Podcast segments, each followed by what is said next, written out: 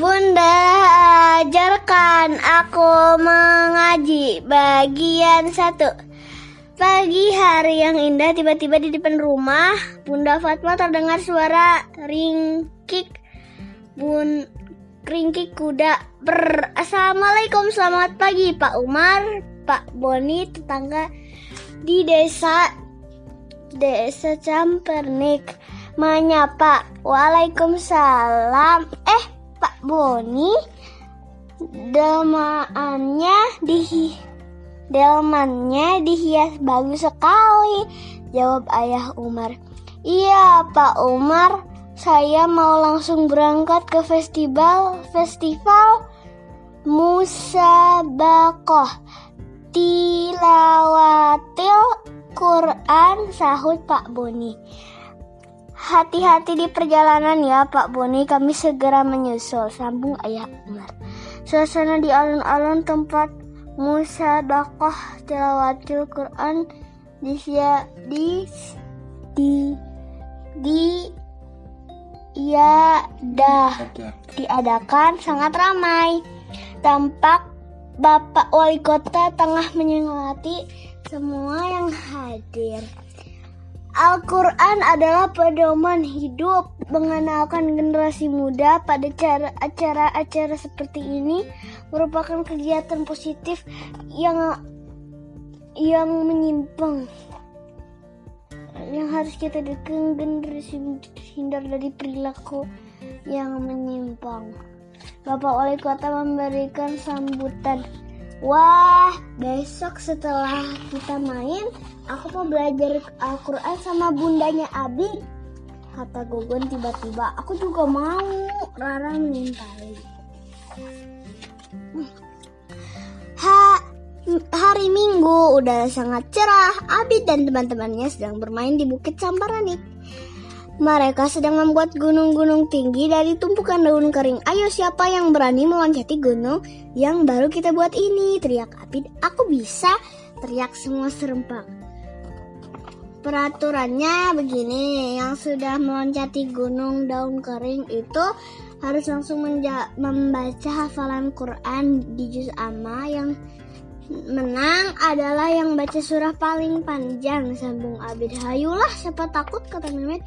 Waduh yang menang baca surah surah paling panjang ya. Gugun mulai garuk-garuk kepala. Ayo balap lari Met Mehmet berlari paling cepat. Dia langsung membaca surat Allah Abid menyusul lompati gunung daun kering Dibacalah surat Al-Bayyinah. Mimi dan Rara men susu menyusul. Mimi membaca Ad-Duha dan Rara membaca Al-Kafirun. Wah, Abid yang paling pinter bacaan surahnya Al surah Al-Qur'annya kata Mimi. Kan masih ada Gugun kata Mehmet sambil tertawa. Ayo semangat Gun. Ayo Gugun, kamu bisa. Ayah Gon kalahin Abid, kamu harus baca Anaba atau Abasa. Gugon berlari ke arah tumpukan gunung buatan itu. Ciot! Teriak Gugon penuh semangat. Gugon berusaha meloncati gunung. Tuing! Aduh! Teriak Gugon, ternyata tubuh Gugon menabrak gunung buatan itu. Tumpukan daun-daun kering pun menjadi berantakan. Wah hancur gunungnya teriak Abid ya gimana lah kau Gun? Sampai berantakan begini daun gunungnya kata Rara. Maaf ya teman-teman kata Gugun merasa bersalah. Enggak apa-apa Gun Tapi kamu harus tetap baca hafalan Qurannya kata Mimi. Waduh aku baca apa ya dong ya? Al-Fatihah aja deh Aku baca uh, kata Gugun kebingungan. Semua saling berpandang dan akhirnya mereka bertawa, tertawa bersama. Sore yang cerah Abid dan Mimi Syafa dan tiga guru sudah berkumpul bersama Bunda Fatma di di uh, musola. musola. Uh, Mereka bersemangat belajar mengaji.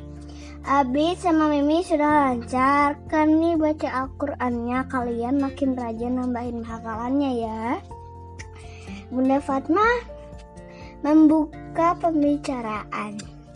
Buat yang lain kita belajar bersama-sama insya Allah kalau rajin dalam beberapa hari semua sudah bisa baca Al-Quran.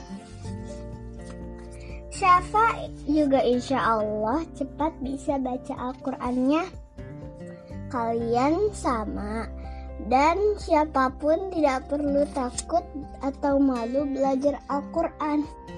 Allah bilang loh di dalam Al-Quran surah Al-Qamar ayat 17 dan sungguh telah kami mudahkan Al-Quran untuk peringatan maka or ma maka adakah orang-orang yang mau mengambil pelajaran? Bahkan Allah mengulang-ulang kalimat itu di ayat-ayat yang lain. Itu artinya belajar Quran itu mudah.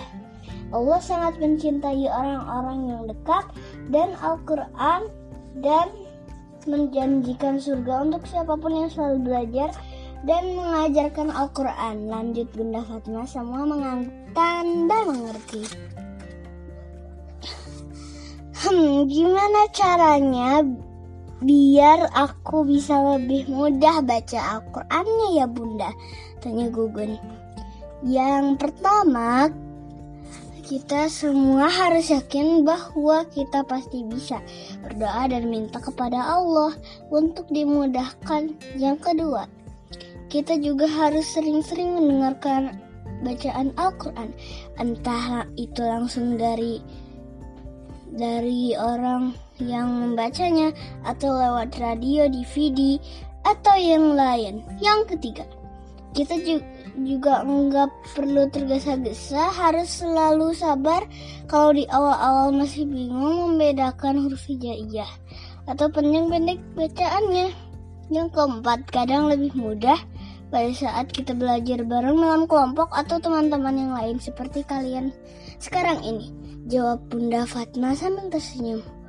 Man jada waj um, Nah, Syafa suka ngantuk kalau belajar Al-Quran.